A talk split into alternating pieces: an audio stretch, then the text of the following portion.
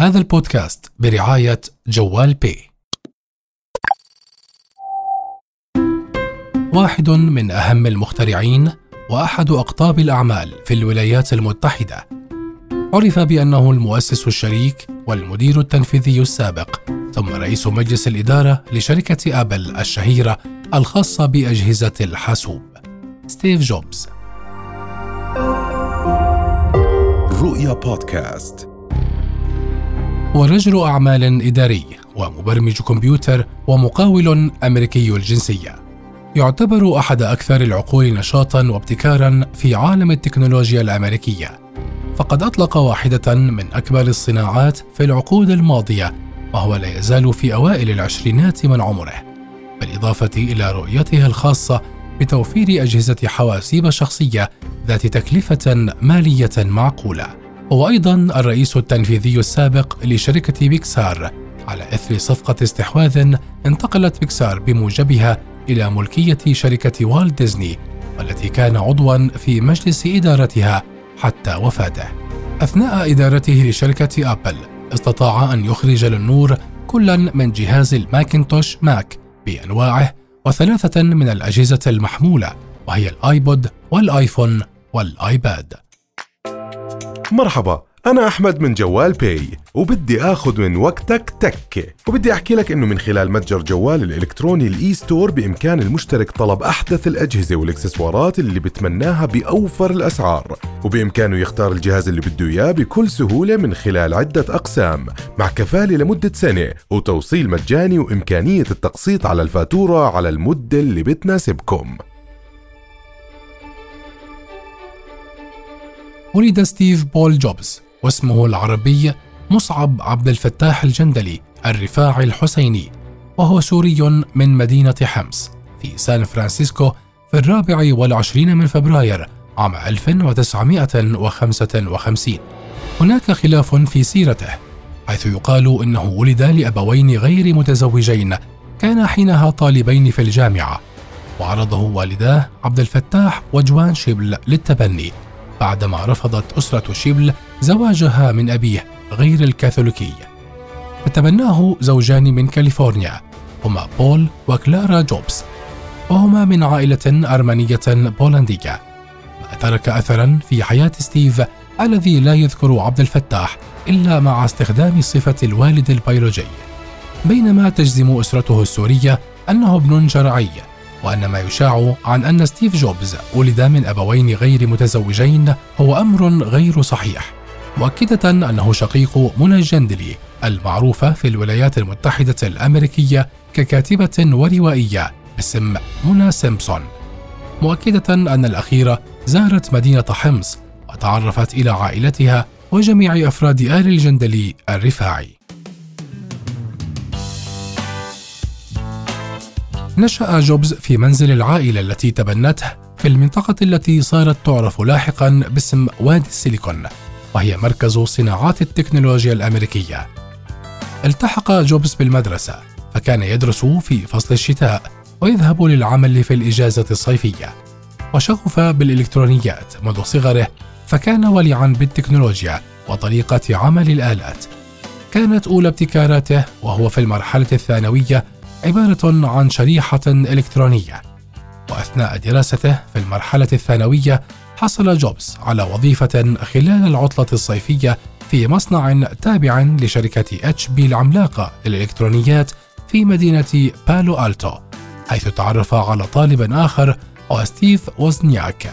واللذان حققا معا خطوات هامة في عالم التكنولوجيا بعد ذلك.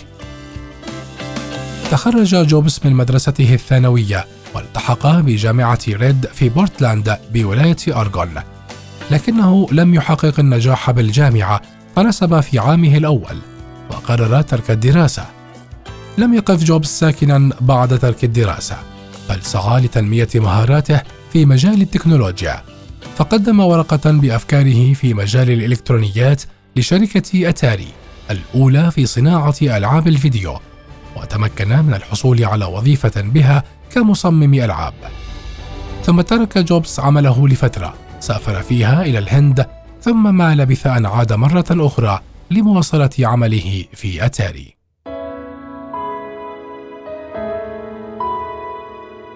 بعد عودة جوبز من الهند عام 1975 وأثناء انضمامه إلى هوم برو كمبيوتر وهو ناد لمطوري أجهزة الكمبيوترات الشخصية التقى مجددا بصديقه وزنياك الذي كان من بين أعضاء النادي وأطلق شرارة البدء لثنائي إلكتروني في عالم التكنولوجيا.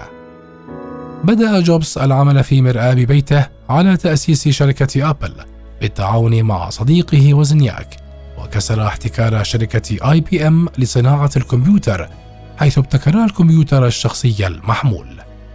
قرر الاثنان الانضمام معا واقتحام عالم التكنولوجيا فترك وزنياك عمله كمهندس في شركة اتش بي وانضم إلى جوبز من أجل جمع رأس مال صغير وتأسيس شركة تهتم بتكنولوجيا الكمبيوتر الشخصي. وبالفعل نجح في عام 1976 من إطلاق شركة أبل أو التفاحة وكان جوبز حينها في الحادية والعشرين من عمره وكان وزنياك يكبره بأربع سنوات. تمكن الاثنان من تصميم أول نموذج للكمبيوتر الشخصي. كانت الفكرة المسيطرة على جوبز هي دمج لوحة المفاتيح مع جهاز الكمبيوتر. استطاع جوبز إقناع متجرا محليا للكمبيوترات بشراء خمسين جهازا من أجهزة وزنياك قبل صنعها. وبفضل أمر الشراء تمكن جوبز من إقناع أحد موردي الإلكترونيات بإمداده بمكونات تلك الكمبيوترات التي يسعى لصنعها. وهكذا استطاع جوبز إنتاج الكمبيوتر الجديد الذي أطلق عليه أبل 1 من دون الحاجة للاقتراض من أي جهة أو أن يمنح جزءا من أسهم شركته لشخص آخر مشكلا ثورة في مجال الكمبيوتر. وتمكنا من تحقيق ثروة معقولة كانت ثمار بيع 600 جهاز كمبيوتر. لكن تطوير هذا الكمبيوتر كان مكلفا جدا. مما دفع جوبز لمشاركة مايك ماركولا وهو مستثمر محلي في كاليفورنيا لتوفير مبلغ 250 ألف دولار. وهكذا استطاع الثلاثة جوبز ووزنياك وماركولا تكوين شركة أبل. استقال ستيف جوبز في عام 1985 إثر خلاف داخلي على السلطة وتداعت المجموعة إلى أن عاد جوبز إلى قيادتها في عام 1997 ومذ ذاك سطع نجم التفاحة المقضومة الرسم الذي تتخذه أبل شعارا لها مع إطلاق الشركة منتجات اكتسحت الأسواق من جهاز كمبيوتر ماكنتوش في عام 1998 إلى جهاز آيباد اللوحي في عام 2001 مرورا بجهاز الموسيقى الجوال آيبود عام 2001 والهاتف المتعدد الوظائف آيفون عام 2007 يعود الفضل إلى ستيف جوبز في اختراع فأرة الحاسوب في بدايات ظهور الكمبيوتر الشخصي. ومؤخرا اخترع الشاشات التي تعمل باللمس وأجهزة الكمبيوتر اللوحية. تلك النجاحات جعلت أبل في الفترة الأخيرة تتخطى شركة إكسون موبيل كأعلى شركات العالم من حيث رأس المال السوقي الذي يزيد على 375 مليار دولار. هذه النجاحات جذبت أعين المستثمرين، ففي عام 1977 قرر الرئيس التنفيذي السابق لشركة إنتل مايك ماركولا الاستثمار في أبل وأصبح رئيس مجلس إدارتها. هذا بالإضافة لعدد من المستثمرين الآخرين. عقلية مثل جوبز لا تتوقف عند حد معين بل تسعى دائما من أجل البحث عن الجديد في التكنولوجيا.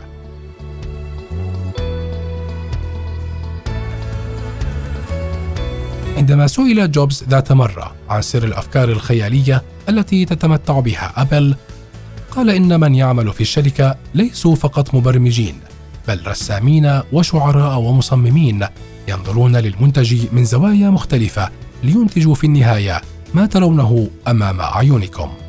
ومن كلام جوبز السابق يظهر لنا السر وراء هذا النجاح المبهر الذي وصل إليه ووصلت إليه شركته أبل. قدم ستيف جوبز استقالته من منصبه كمدير تنفيذي في أغسطس عام 2011 عن عمر يناهز 56 عاماً. جوبز كان في إجازة مرضية قبل تقديم استقالته منذ يناير عام 2011 حيث خضع لعملية زراعة كبد وكان قد نجا من مرض السرطان عام 2004 في الخامس من أكتوبر عام 2011 أصدرت أسرته بيانا تقول اليوم ستيف جوبز مات بسلام. شكل خبر وفاة ستيف جوبز كثيرا من ردود الفعل. وقد كان مصدرا لابتكارات لا تعد ولا تحصى أثرت وحسنت حياة كثيرين حول العالم. كما أنه قام بتقديم ابتكارات عديدة وواسعة في مجال التكنولوجيا والاتصالات ما زالت ماثلة من حولنا إلى يومنا هذا. رؤيا بودكاست.